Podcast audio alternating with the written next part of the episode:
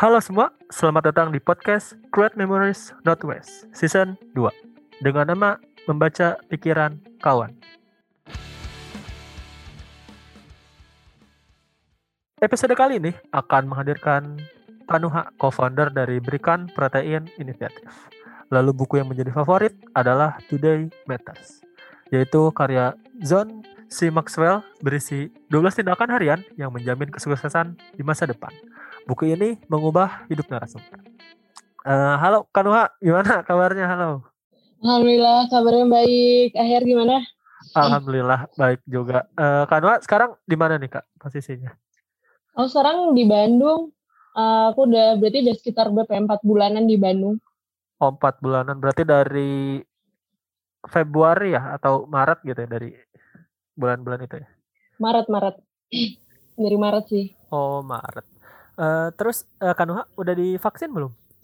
Alhamdulillah udah, cuman oh, udah. ntar dosis keduanya tanggal 25 25 Juli di, ya? Ini di Salman ITB sudah oh. aja. Oh, kamu udah belum? Jangan oh. bilang kamu anti vaksin. Enggak, uh, udah udah divaksin uh, dua minggu yang lalu. Nanti baru bulan depan dosis keduanya. Oke, okay. okay. bagus bagus. Semoga pandemi ini segera selesai ya, biar kita bisa hidup normal. iya. Nah, uh, mungkin untuk pertama-tama Kanuha nih boleh untuk uh, perkenalan diri terlebih dahulu biar pendengar lebih tahu Kanuha itu siapa. Oke, okay. halo semuanya. Uh, salam kenal. Perkenalkan nama aku Nuha. Jadi uh, aku sama Ahyar kenal di mana ya di TLE ya. Dan sekarang mungkin sibukannya lagi running sebuah gerakan yang nanti ke depannya diproyeksiin jadi sebuah social enterprise namanya Berikan Protein Initiative yang itu kita concernnya pengen mengedukasi masyarakat terkait dengan gizi uh, protein gitu apalagi di kondisi pandemi kayak gini protein itu sangat berguna untuk imunitas nah itu yang kita pengen edukasi ke masyarakat kurang lebih kayak gitu. Nah mungkin kalau pengen tahu lebih lanjut mungkin boleh silaturahmi ke at berikan protein. Iya, ya. boleh tadi. Maaf ya, uh, kita uh, promosi dulu. Iya, nggak apa-apa, nggak apa. Ya jadi uh, dulu nih waktu sekitar setahun yang lalu ya, bulan September gitu waktu saya magang di TLE itu kedua sebagai supervisornya di divisi uh, media ya, media di sosial media. Dan uh, selama magang juga beberapa kali pernah diskusi dan ternyata Kanwa ini punya ketertarikan di uh, sosial, social innovation atau inovasi sosial dan sekarang tuh lagi uh, ngejalanin berikan protein. Nah, uh, mungkin pertama-tama yang ingin saya tanyakan, kenapa nih Kanuha uh, di era teknologi yang maju ini uh, tertarik dengan social innovation? Oke, okay. Uh, kalau ditanya kenapa, salah satunya aku ngerasa bahwa sering kali kalau kita ngomong tentang inovasi, itu kan kita ngomongin tentang uh, disangkut pautinnya itu sama teknologi, sama uh, internet, IoT, segala macam. Tapi uh, untuk hal-hal yang sifatnya sosial, cara kita menyelesaikan masalah-masalah sosial, kemiskinan, pengangguran, segala macam tuh kadang lupa gitu sama aspek inovasi. Jadi mindset di orang-orang tuh kalau ngomongin tentang sosial tuh mindset mereka itu masih sebatas tentang kita patungan donasi kayak gitu. Hmm, atau pakai kita bisa yang kayak cuman ngasih fresh money doang gitu. Dan itu kita nganggap itu udah menyelesaikan masalah. Padahal kalau dipikir-pikir uh, itu cuma nyelesain masalah itu saat itu juga. Tapi uh, ternyata ke depannya uh, masalah itu tuh masih ada gitu. Makanya perlu ada pendekatan-pendekatan inovatif yang harus kita lakukan biar gimana caranya sebuah impact itu tuh bisa berkelanjutan kayak gitu itu sih oh. uh, yang jadi mungkin perasaan aku apalagi sekarang masa pandemi kayak gini uh, mungkin sekarang kita emang butuh urunan-urunan gitu tapi kita butuh juga cara-cara uh, untuk di kasus-kasus lain ya uh, untuk berkaitan dengan inovasi kayak gitu. Hmm, ya, gitu sih ya. Iya sih orang lebih cenderung lebih tertarik ke sisi teknologi ya yang digital internet gitu ketimbang dalam hal urusan sosial mungkin dalam segi inovasi dan uh, manfaatnya juga sebenarnya nggak jauh beda ya sebenarnya dengan teknologi yang dihasilkan gitu. Dan untuk berikan protein sendiri nih, uh, mulainya tuh dari kapan kan Uha? Mulai ada idenya gitu? Terinspirasi dari mana? Nah, iya, yes. jadi uh, ini aku juga pengen sharing aja sih. Mungkin juga akhir juga mungkin uh, pengen mencari lebih dalam gitu ya terkait dengan berikan protein. Jadi sebenarnya ini tuh aku berkecimpung di sini juga secara tidak sengaja gitu. Dalam artian tiba-tiba aku ketemu sama foundernya yang mana beliau itu adalah seorang pengusaha investor yang dia tuh punya sebuah bisnis uh, berupa industri di pabrik gitu ya. Yang itu tuh tempatnya ada di Indramayu. Itu dia tuh uh, concernnya di bidang bioteknologi hasil perikanan dan juga kelautan gitu. Jadi dia mengolah ikan yang punya low ekonomi rendah namanya itu ikan rucah. Yang itu tuh kalau dijual tuh harganya cuma 1.500 sampai 2.000 doang. Dan itu kalau sama nelayan tuh biasanya dibuang atau dijadiin ikan asin. Nah, terus sama si beliau itu ya, dia bikin teknologi gitu ya, bikin uh, mesin segala macam mengolah gimana caranya biar si ikan itu punya nilai uh, apa ya, nilai ekonomi yang lebih tinggi gitu. Akhirnya diolah jadi yang namanya bubuk ikan atau hidrolisat protein ikan yang mana di ikannya itu tuh cuman diambil asam aminonya doang ya itu ternyata bener-bener ngebantu apa ya itu tuh jadi solusi untuk pengentasan masalah gizi buruk di Indonesia. Kayak gitu. Nah uh, terus aku di bagian apa? Nah aku tuh di bagian aku punya tugas untuk uh, mengedukasi masyarakat terkait pentingnya protein uh, berkualitas gitu. Karena masih banyak masyarakat yang belum aware sama hal itu kayak gitu. Dan di sisi lain kita juga ingin memperkenalkan si HPI itu. Karena kalau di kalangan masyarakat HPI itu masih belum terlalu familiar gitu ya. Tapi orang-orang juga sadar bahwa ikan itu punya protein tinggi. Nah itu yang pengen kita kolaborasiin gitu tentang kegiatan-kegiatan apa yang bisa mengedukasi masyarakat jadi mereka lebih kenal gitu tentang protein ikan seperti oh, itu. gitu sih ya iya ya. Uh, ini sih sebenarnya saya juga sadar gitu kalau ikan itu sebenarnya kaya akan protein. Tapi kalau dalam praktiknya sebenarnya kalau dari kehidupan sehari-hari saya tuh ini sih kurang suka ikan sebenarnya kalau bisa dibilang. Nah, dan mungkin banyak juga orang-orang di sana yang belum sadar ya sebenarnya kalau ikan tuh punya kadar protein yang membantu banget dalam proses uh, metabolisme tubuh dan diberikan protein ini juga uh, memberikan insight-insight dan berbagai informasi terkait pentingnya ikan dan menumbuhkan juga kesadaran bahwa oh ikan ini punya manfaat yang besar dari segi protein. Oke, okay, menarik sih. Uh, jadi pengen um, pengen nimpalin dong yang akhir bilang tadi. Iya, iya. Dia orang nggak suka makan ikan itu tervalidasi. Jadi uh, dulu tuh Kemenkes tuh pernah bikin riset kenapa orang Indonesia itu pada nggak suka makan ikan. Alasannya itu banyak. Pertama karena dia berduri. Hmm. Terus kedua tuh karena dia tuh amis, bau amis. Terus yang ketiga uh, karena dia ribet gitu buat makannya. Kan beda ya kalau ayam kan tinggal uh, makan gitu. Sama yang terakhir karena dia mahal. Kalau dibandingin sama protein yang lain, ikan tuh agak mahal gitu ya. Karena kalau kita ngomongin uh, apa namanya ikan kan dari laut terus harus didistribusikan, nah itu alurnya panjang dan itu yang mem membuat harga ikan tuh mahal.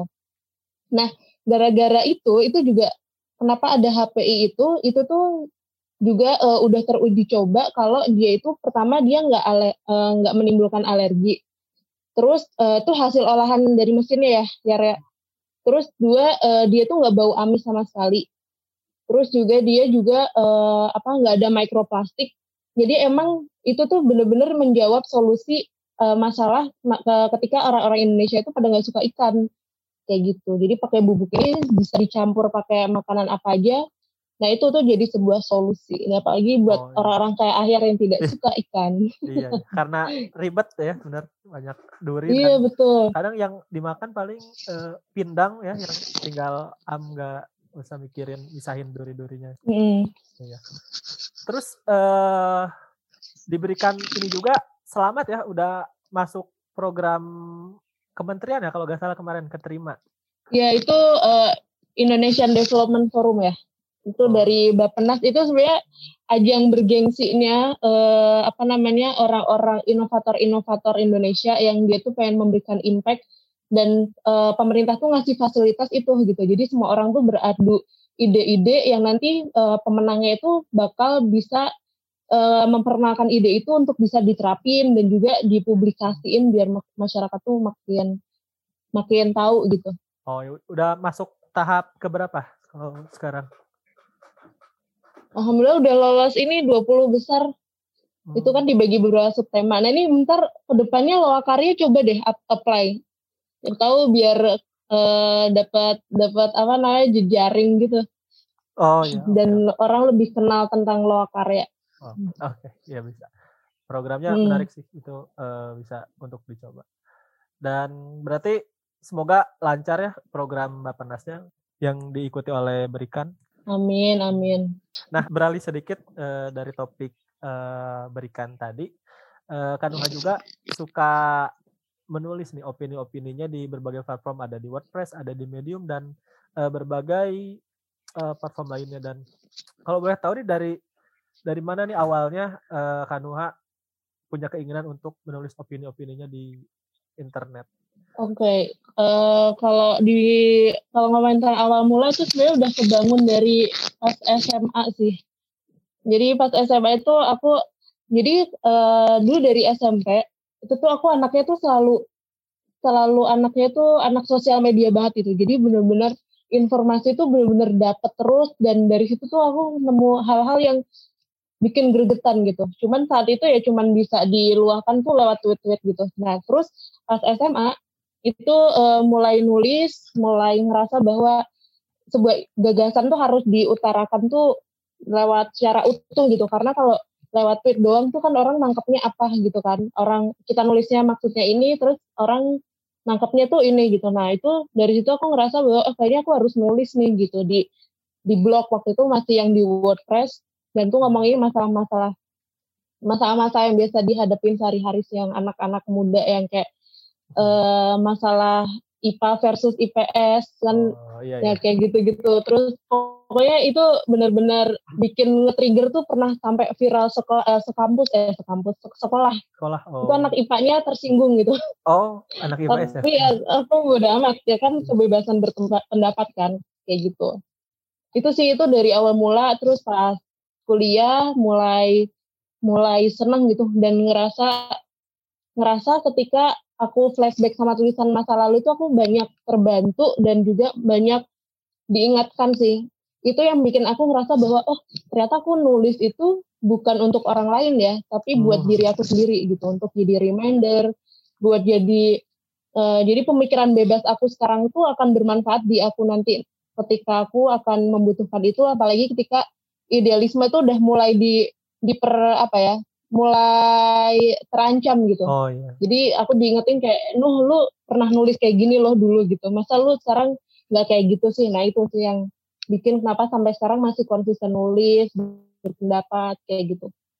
Gitu sih oh, ya. Oke. Okay. Uh, dan kalau dilihat juga dari topiknya juga beragam ya dari ada soal mungkin dari review film juga ada review buku dan berbagai topik yang dihasilkan kan kalau dari yang Kanuha tulis. Uh, kalau dari tulisan-tulisan itu yang mungkin yang paling memiliki effort yang besar dan lama dalam penulisannya itu di topik yang apa itu? Di topik yang di ini, yang di medium yang aku bahas tentang pola um, pola parenting Islami yang waktu itu lagi rame kan, yang media dewe yang angkat isu tentang anak-anak pakai jilbab tuh yang dianggap memaksa kehendak anak gitu loh. Uh-huh. Nah itu tuh gara-gara itu aku nulis itu kan dan aku nulisnya tuh bener-bener panjang dan aku mikir lagi bisa gue kok niat banget ya nulis kayak gini kayak gitu itu menurut aku yang paling effortnya paling gede dan yang bacanya juga paling banyak dan juga uh, itu relate sama apa yang sedang terjadi kayak gitu oh. sih Iya, iya jadi uh, dari apa yang terjadi dan kita lihat juga bisa apa ya kita bisa mengutarakan pendapat dan berpikir kritis ya tentang eh, hal-hal uh, yang menimpa di sekitar kita. Uh, terus mungkin dari tadi nih uh, udah uh, ngomongin tentang dari berikan terus dari kebiasaan kedua yang udah suka nulis dari awal SMA. Uh, mungkin sebelum menutup segmen pertama ini kita ada trivia. Jadi ada games kecil-kecilan gitu. Uh, milih antara uh, dua milih antara dua kata aja dua kata jadi misalkan uh, nanti ada pilihan pilih A atau B nanti Tanuha jawab aja uh, dengan seksama dengan okay. cepat gitu pilih jawabnya harus cepat nih uh, ya bisa boleh cepat gak apa-apa boleh okay. lama juga gak masalah. Oke okay, oke. Okay. Aku jadi agak tertantang nih, ya, jadi deg-degan. Oke, okay. uh, yang pertama ikan atau ayam? Karena gue diberikan berarti jadi ikan. Oke, okay. terus yang kedua uh, konseptor atau eksekutor? Konseptor. Oke, okay. nah mungkin uh, ada alasan tersendiri itu milih pilihan yang tadi. Oke, okay, uh, alasannya kenapa milih konseptor karena aku ngerasa aku selalu harus apa ya masih benar-benar uh, kekuatan aku tuh ada di konseptor gitu, ada di mengkonsep sesuatu, apalagi anaknya tuh sangat uh, generalis dan big picture banget gitu, dan kadang hmm. suka banyak miss ketika kita ngomongin tentang hal-hal teknis, hal-hal detail. Nah itu yang kayaknya uh, apa namanya sering sering nggak terrealisasikan itu biasanya ya itu ide-ide tadi tuh nggak ter nggak terejawantahkan dengan baik. Oh, oke oke oke kalau begitu uh, terima kasih jawabannya karena sudah selesai segmen satu sampai jumpa di segmen kedua.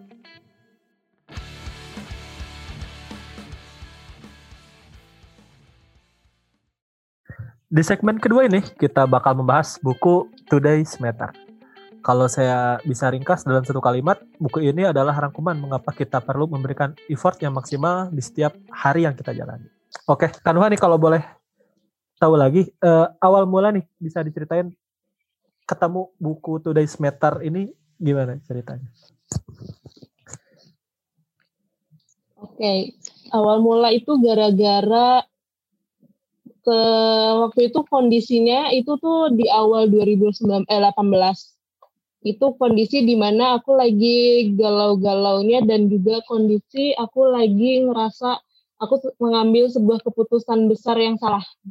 Hmm, ya. Dan kalau boleh cerita juga, jadi di situ tuh dulu tuh eh uh, tahu ya, ini kayaknya akhir juga baru tahu. Jadi di 2018 itu aku mengambil amanah baru itu jadi ketua komisi 2 di BPM Kema Unpad kan. Hmm. Yang mana tuh aku di BPM tuh udah tahun ketiga dan waktu itu aku ngerasa aku ngambil keputusan itu tuh impulsif gitu loh nggak pakai pikir panjang nggak pakai nggak macam gitu dan aku ketika udah serah terima jabatan terus aku kayak langsung nangis tuh kayak ngerasa aduh kayaknya salah deh gitu karena kan kalau udah gabung itu kan berarti konsekuensinya aku harus menunda kelulusan satu hmm. tahun karena harus uh, beramanah dan aku juga udah berjanji sama si ketua BPM yang kepilih gitu ya untuk juga jadi ketua kan gak lucu kalau di tengah jalan mengundurkan diri kayak gitu jadi aku. Hmm butuh strong way apa yang bikin gimana caranya biar aku dealing gitu sama keputusan ini yang aku tuh secara ya aku sebenarnya itu aku ambil secara sadar gitu. Dan akhirnya aku memutuskan untuk apa aku harus cari bacaan cari referensi yang memperkuat aku. Apalagi itu dalam rangka e, mempersiapkan pasca kampus sih. Kayak gitu. Aku sedang mencari-cari e, model-model apa sih sebenarnya itu aku kenapa harus uh, model kesuksesan apa sih yang harus aku kejar? Karena selama ini aku ngeliat senior senior pada gimana ya ya ya? Pada apa ya mereka tuh pada capek gitu ya ngejar hmm. duit doang ngejar posisi itu mereka tuh hmm. exhausted gitu. Jadi aku harus nyari ini apa sih yang dicari orang-orang? kayak gitu. Nah terus ke Gramedia lah aku ke Merdeka tuh kalau nggak salah. Gramet Merdeka. Hmm. terus lihat buku itu dan ini agak klik baik sih warnanya merah terus Today's Matter tuh kayak apa nih kayak gitu kan. Terus aku buka uh, summary summary-nya ini wah ini kayaknya ini yang aku butuhin kayak gitu. Terus udah deh dapet deh dan ini mungkin aku ngerasa ini buku tuh kayak jawaban atas kegelisahanku dan aku benar-benar ini sampai aku tandai nih oh, sampai iya. per ininya karena aku ngerasa ini sepenting itu hmm. kayak gitu oke okay. Oke, berarti dari uh, mungkin dari keputusan yang terburu-buru untuk memilih uh, mengembangkan amanah di kampus jadi memiliki uh, kegelisahan dan mencari uh, bacaan yang tepat nih dan uh, ketemulah today semester untuk dibaca. Dan saya juga udah baca buku ini kira-kira ada 12 ini ya 12 bab 12 tindakan ya 12 tindakan yang perlu dilakukan secara apa ya, secara terbaik di tiap hari yang dijalani. Dan dari 12 bab ini kalau bisa dipilih nih yang paling mungkin yang paling menjadi prioritas utama Kanuha dari buku ini tuh yang okay. eh yang mana?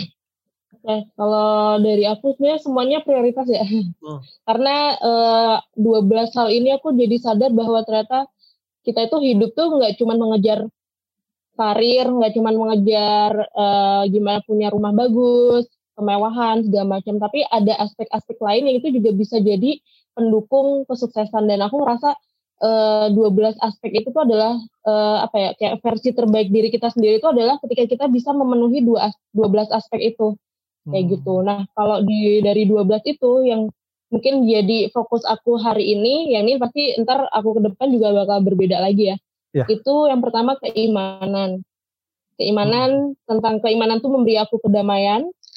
Terus eh, masalah keuangan karena ternyata aku jadi tahu gitu strong way kenapa kita tuh perlu mencari uang gitu ya. Kenapa kita harus uh, berusaha untuk uh, apa namanya cari apa ya duit yang halal dan baik gitu karena hmm. karena ternyata dari keuangan tuh kita jadi dapat banyak pilihan gitu jadi oh, iya. itu sih aku jadi benar-benar kebuka mindsetnya karena sama ini jangan ngejar dunia gitu kan tapi ternyata uang tuh kita butuh gitu untuk kita bisa punya dapat opsi-opsi lain yang mungkin baik untuk kita terus yang ketiga tuh tuh ada pertumbuhan karena anaknya benar-benar berupaya untuk bisa improve day to day itu aku ngerasa pertumbuhan tuh jadi salah satu value aku sama yang terakhir adalah sikap. Gimana ternyata sikap kita hari ini tuh memberi kita banyak kesempatan peluang dan juga uh, sering kali apa yang datang dari kita rizki yang dikasih sama Allah tuh datang tuh dari orang-orang yang kita itu nggak pernah duga yang ternyata dia tuh uh, punya kenangan atau memori yang baik tentang sikap kita kayak gitu nah itu ternyata aku oh ternyata bener juga ya kayak gitu itu sih oh, iya. empat aspek yang paling aku banget. Oke, mungkin dari yang pertama tuh tentang keimanan tadi uh, sempat disinggung juga. Yang mana uh, kalau di buku ini tuh uh, iman hari uh, iman hari ini memberi saya kedamaian dan berarti apa ya? Saya juga sadar sebenarnya kalau iman ini sebagai fondasi uh, ya sebenarnya dalam menjalani kehidupan dan ketika iman itu sudah matang atau baik otomatis bisa jadi uh, jadi butterfly effect juga untuk uh, apa? Untuk hal-hal uh, yang kita jalani, misalkan contoh dalam karir atau misalkan dalam pendidikan juga bisa ikut baik gitu si perjalanannya. Kalau dari Tenwa sendiri ngalamin hal-hal seperti itu? Uh, ngalamin banget sih, apalagi di kondisi pandemi kayak gini. Jujur pandemi ini kalau buat orang-orang pada bilang kita stres, kita frustasi, segala macam gitu. Banyak hal-hal yang terus belum lagi masalah misalnya keluarga kita beberapa ada yang nggak taat prokes dan kita banyak khawatir. Pokoknya semua masalah-masalah stres uh, frustasi itu benar-benar kerasa banget sekarang gitu. Dan alhamdulillah aku ngerasa dengan keimanan yang aku miliki sekarang walaupun aku mungkin bukan uh, seorang muslim masih belum jadi sosok muslim yang taat banget gitu ya tapi setidaknya aku ngerasa aku dapat kedamaian gitu jadi aku ngerasa ditenangkan gitu sama Allah. Kalaupun kita meninggal hari ini gitu, kita tuh masih ada afterlife lagi yang kita itu masih bisa diketemuin sama orang-orang yang kita sayangin kayak gitu. Jadi itu sedikit hmm. menghibur kita dan memberikan kita ketenangan gitu. Terus juga kalau dari keimanan sendiri aku juga dapat mindset bahwa eh, apa namanya di balik kesulitan tuh pasti ada kemudahan hmm. kayak gitu. Jadi aku banyak apa ya itu ternyata dari keimanan tuh akan bermengakar atau bakal berpengaruh banget tadi yang kayak Ayar bilang uh, butterfly effect gitu ya. Jadi mindset kita tuh jadi lebih optimis, lebih kita lebih percaya bahwa semua yang terjadi sekarang tuh emang atas ada kehendak uh, yang maha kuasa gitu dan uh, Allah tuh lebih tahu yang terbaik buat kita gitu. Makanya kita harus terus berprasangka baik karena kita nggak akan pernah tahu mungkin ada hikmah-hikmah apa sih di balik semua hal yang chaos hari ini kayak gitu. Iya iya. Benar benar. Setuju setuju. Dan apa ya kalau di kondisi yang pandemi ya benar sih. Uh, perlu jangan stres jangan terlalu banyak pikiran ya. Perlu suasana hati yang tenang damai karena uh, biasanya suka ngaruh juga ya ke kondisi pikiran. Kalau kitanya terlalu khawatir atau kayak gimana malah kadang jadi terbebani gitu kalau untuk saat ini Terus dari tadi selain ada dari iman, ada juga tentang pertumbuhan yang mana si pertumbuhan ini memberi potensi bagi diri kita. Dan saya juga sadar nih, pertumbuhan itu gak bisa dalam waktu yang dekat bisa langsung bertumbuh dengan besar gitu. Harus ada proses yang perlu dijalani. Dan sebenarnya kalau bisa dibilang pertumbuhan itu apa ya uh, kita perlu bertumbuh setiap harinya. Jangan kita malah kebalikannya. Jadi apa ya kalau bisa, uh, bisa dibilang tuh penurunan dari hidup yang kita jalani gitu uh, dan kalau dari Tenwa sendiri nih untuk hal-hal yang menjadi pertumbuhan ini uh, dari segi apa nih yang merupakan kalau apa ya kalau bisa dibilang uh, yang menjadi potensi terbesar Kanuha yang ingin ditumbuhkan? Oke, okay. uh, kalau aku karena aku anaknya generalis banget, jadi uh, apa namanya, aku anaknya suka explore hal-hal baru dan anaknya gampang bosen. Hmm. Jadi kalau di mindset aku adalah uh, potensi di sini adalah ya kamu ngelakuin apa pun yang kemungkinan besar kamu di masa depan tuh akan berterima kasih atas apa yang kamu lakuin hari ini. Kayak gitu. Itu yang jadi jadi apa ya arah gerak seorang muha gitu. Kenapa aku terus bertumbuh dan aku nggak pengen mengalami yang namanya tuh ada istilah namanya ini yang biasa ini dialami sama mahasiswa yang habis lulus yaitu post power syndrome. Oh. Jadi uh, jadi ketika kita udah nggak misalnya dulu kita di kampus tuh kita uh kita uh, kontribusinya ikut ini ini uh, terus kita punya apa namanya kita punya banyak uh, apa ya karya gitu ya hmm. banyak terus juga kita punya kenalan pejabat kampus terus juga pejabat rektorat juga pada kenal kita kita tuh ngerasa di atas awan gitu pas waktu masuk uh, di kuliah gitu tapi waktu pas udah lulus kita jadi apa ya kita nge-downgrade diri kita ya karena emang udah lulus kan kita statusnya masih karyawan kita merintis lagi dari bawah kita masuk ke dunia nyata.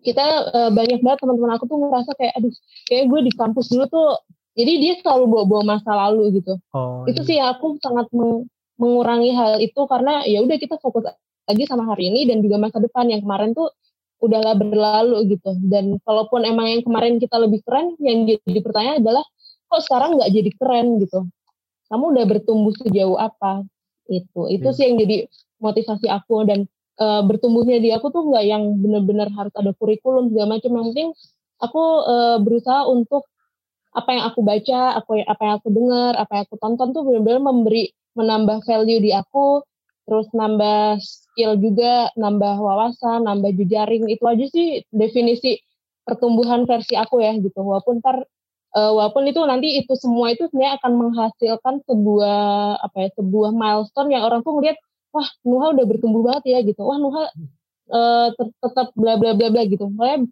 akan ada impactnya orang tuh ngerasa kalau kita tuh udah sejauh itu padahal hmm. uh, apa yang mereka lihat itu sebenarnya adalah hal-hal kecil yang udah kita mulai dari uh, apa yang kita tonton, apa yang kita baca, apa yang kita dengar, apa yang kita coba praktekin setiap hari gitu untuk mengasah potensi yang kita punya. Kayak gitu ya. Iya ya, emang terkadang orang suka lihat apa aja yang hasil akhirnya dan melupakan sebenarnya dari hasil hmm. akhir orang itu tuh ada bertahun-tahun eh, proses yang dia jalani agar bisa menjadi orang yang seperti hari sekarang. Betul. Saya sendiri sebenarnya merasakan nih kalau udah misalkan berada di posisi atas atau jabatan tinggi di kampus, kan sebenarnya kalau untuk masuk ke dunia kerjaan itu kayak dimulai dari nol lagi ya, dari yang paling bawah. Dan eh, kadang juga suka merasa kaget karena perlu melakukan hal-hal yang apa ya jadi orang yang disuruh-suruh kalau bisa dibilang. Jadi hmm. bukan uh, top levelnya malah jadi low level. Dan uh, sebenarnya ada pengulangan ya sebenarnya dari kehidupan kampus itu dari bawah nanti di atas dan nanti pun di kehidupan karir juga pasti bakal ada progresnya dan menjadi bisa naik ke tingkat yang lebih tinggi. Mungkin sekarang saya beralih ke yang sikap nih, Kanuha. Uh, di sini tertulis sikap hari ini memberi saya peluang. Uh, sebenarnya ini bisa dibilang berlaku juga. Saya juga pernah ngalamin sikap ini memberi peluang karena beberapa opportunity atau kesempatan yang hadir tuh suka kita gak kira-kira ternyata dari apa yang kita lakukan terhadap orang tersebut tuh berkesan dan uh, diingat sehingga orang tersebut bisa percaya nih kepada kita di masa sekarang ini. Kalau dari Kanuha sendiri nih, uh, apa ya sikap-sikap apa sih sebenarnya yang perlu dimiliki oleh orang tuh agar uh, hari ini tuh terlaksana dengan semaksimal mungkin? Oke, okay. sebenarnya sikapnya sederhana aja yaitu kita memperlakukan orang sebagaimana kita pengen diperlakukan. Itu udah benar-benar itu quote mainstream yang tapi kadang orang tuh suka lupa gitu. Orang tuh kadang mindsetnya tuh kita ngerasa kita tuh pengen jadi orang yang dimengerti terus gitu. Kita hmm. pengen orang respect sama kita, tapi kita lupa untuk respect orang lain kayak gitu. Jadi uh, sebenarnya sikap itu sesederhana itu sih kayak nggak ada patokannya tapi yaudah kalau misalnya kita pengen diperlakukan dengan baik ya kenapa nggak kita mulai memperlakukan orang dengan baik kayak gitu karena aku ngerasa ya itu tuh akan jadi apa ya hubungan timbal balik gitu loh yang akan kita rasain kayak gitu nah terus kalau misalnya ngomongin tentang sikap apa aja kalau aku ngelihatnya eh, sikap tuh sikap itu lebih kepada apa ya kemampuan kita untuk lebih memanusiakan manusia sih hmm kayak yeah. gitu ya. Jadi uh, apalagi sekarang uh, ini kalau kita ngomongin sikap kan berarti kita ngomongin attitude ya. Yeah. Dan attitude ini yang kadang akan jadi pembeda antara diri kita sama orang lain. Uh, ada orang-orang yang kita ngerasa orang itu tuh angkatnya tinggi, pendidikannya tinggi, jabatannya tinggi, tapi ketika dia nggak punya attitude yang bagus, kita tuh langsung jatuh gitu. Uh, apa namanya? Respect kita ke dia tuh jadi anjlok gitu. Jadi uh, dari dari sebenarnya tuh dari attitude itu tuh adalah apa ya menurut aku jadi basic fundamental yang harus dimiliki semua orang mau dia pejabat kayak mau apa pun gitu kalau dia hmm. mau dapet penghargaan dari orang lain orang lain pengen respect sama dia jadi harus bisa memperlihatkan sikap-sikap yang memang baik kayak gitu jadi jangan sampai kita ngedowngrade prestasi-prestasi yang udah kita jalanin kontribusi nah itu tuh dengan uh, sikap-sikap kita yang secara personal yang nggak bagus. Gitu. Misalnya suka ngomongin orang, suka kalau ngomong tuh nggak difilter, yang dalam artian suka menyakiti hati orang lain, tuh kan jadi nggak enak ya. Jadi hmm. reputasi kita itu bakal dibalikin sama testimoni orang yang udah pernah kenal secara personal sama kita gitu. Dan ini akan makin diperburuk kalau kita nggak punya sikap yang bagus kayak gitu. Jadi oh, sih iya. ya kalau dari sudut pandang aku terkait dengan pemaknaan sikap yang ada di buku ini hmm. kayak gitu. Nah, uh, kalau misalkan uh, suka dilihat tuh di internet suka ada anekdot yang mana kalau misalkan uh, attitude dijumlahin kan per huruf tuh dikonversi jadi angka maka hasilnya 100 dan itu tuh lebih penting daripada knowledge dan hard work. Karena dengan attitude sebenarnya bagaimana kita berurusan dengan pihak eksternal daripada kita berhadapan dengan diri sendiri. Dan tadi juga setuju sama Kanuha yang mana ketika attitude-nya baik maka uh, orang tersebut akan dipandang dengan baik dan kredibilitasnya pun akan baik gitu di mata orang yang yang ketika attitude kita jelek dengan eh, hal-hal uh, yang kita udah bangun bertahun-tahun maka hal tersebut akan hancur ketika attitude jelek dan apa ya dengan attitude yang jelek dan kerja keras kita tuh seperti tersia-siakan. Apalagi di era digital kayak gini, uh, orang ada ada kata-kata di mana ya kita harus hati-hati gitu loh kalau ngomong di sosial media karena apa yang kita kerjain 10 tahun yang hmm. yang lalu gitu ya itu bisa aja hilang dalam waktu 10 detik kayak gitu makanya kan banyak orang-orang tuh yang di cancel sama yeah. netizen gitu ketika dia berargumen oh, iya. yang kayak nggak sesuai dengan ini gitu dan itu juga jadi tantangan buat kita dan jadi bukti juga bahwa ternyata sikap cara kita nyikapin sesuatu itu benar-benar harus harus benar-benar bisa di, kita perhitungkan juga karena itu impactnya ke kita juga gitu reputasi. Iya iya benar. Cancel iya. culture yang lagi uh, hype ya sekarang ini. Oke untuk selanjutnya di di bagian keuangan berarti di pembahasan terakhir. Uh, di buku tertulis uh, keuangan hari ini memberikan saya pilihan dan sebenarnya orang tuh banyak yang uh, menganggap bahwa uang itu tidak penting ya. Dan sebenarnya uang itu sebenarnya penting untuk menyelesaikan masalah keuangan. Misalkan contoh kita perlu membayar uang kuliah atau misalkan tagihan listrik, pulsa dan sebenarnya dengan banyaknya uang kita juga sebenarnya mendapatkan banyak apa pilihan yang ingin kita pilih gitu. Misalkan kita mau kontrak di mana atau kita mau pakai provider internet apa gitu. Jadi punya uh, bertambah pula pilihan yang kita miliki. Di bab 9 ini di bab keuangan uh, Kanua ada hal yang apa yang baru diketahui kah terkait dengan keuangan ini? Uh, ini menarik. Ya, kamu sebagai masih mahasiswa pernah ngerasain nggak bawa duit nggak? Nggak bawa dompet? Uh, pernah, ya. Uang di dompet habis dan nggak tahu mau ngapain gitu. Nah, tapi kondisinya saat itu kamu sedang mem butuh membeli sesuatu atau melakukan sesuatu dan dan itu butuh uang nggak? Iya, but ya, ya, benar-benar. Mau beli jadinya mikir keras gitu, gimana caranya? Ya, itu sih itu juga yang itu jadi salah satu contoh kecil gitu. Sama aku juga ngasih contoh waktu pas aku uh, lulus jadi fresh graduate tuh kan aku sempat vakum 5-6 bulan kan buat istirahat dulu di rumah gitu ya. Uh, ya habis ya self reward lah habis selesai skripsi. Itu tuh masih belum dalam mode pengen nyari kerja kan. Nah, cuman dalam waktu segitu itu uang tabungan yang udah ditabung waktu pas dari kuliah tuh mulai habis tuh satu persatu.